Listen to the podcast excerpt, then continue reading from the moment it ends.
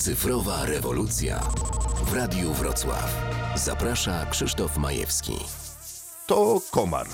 A to nie jest wielki, bardzo zły komar, to dron, czyli bezzałogowy statek powietrzny, który może odbywać lot autonomiczny. Można go też nazwać BSL, BSP, UAS, UAV, RPA czy RPAS. Rozwijanie tych skrótów zostawię jednak na quiz poświęcony dronom. Pierwsza udana próba stworzenia quadrocoptera sięga 1907 roku. Od tego czasu drony służyły CIA do precyzyjnych ataków, a także innym agencjom i wojsku do śledzenia celów. Do premiery jednego z najpopularniejszych dronów komercyjnych te skojarzenia byłyby właściwe. W 2013 roku drony trafiły jednak na półki sklepów, a to zmieniło wiele. Landing. Zdjęcia lotnicze stały się codziennością. Współczesne drony do nauki latania, tak zwane biedronki, to koszt kilkudziesięciu złotych. Te droższe oferują czujniki wykrywające przeszkody, kamery na gimbalu nagrywające w rozdzielczości 4K, oczywiście automatyczny powrót do operatora i asystę sterowania.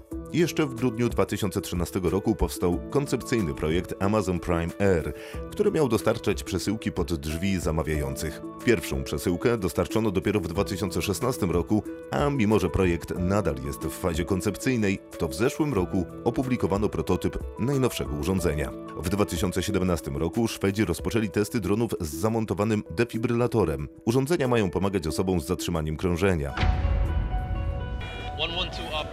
112 operator, what is your emergency? It's my dad.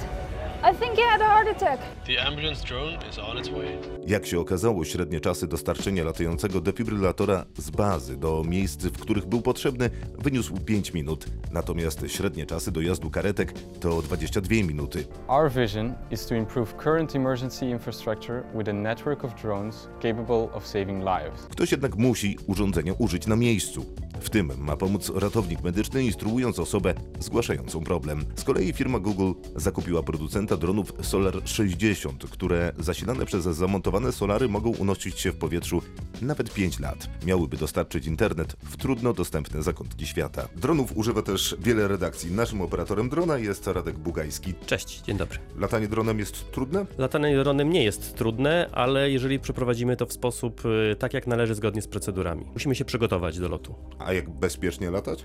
Przede wszystkim sprawdzamy miejsce, czy są warunki na lot, czy mamy naładowaną baterię do pełna w kontrolerze i w dronie, to jest bardzo ważne.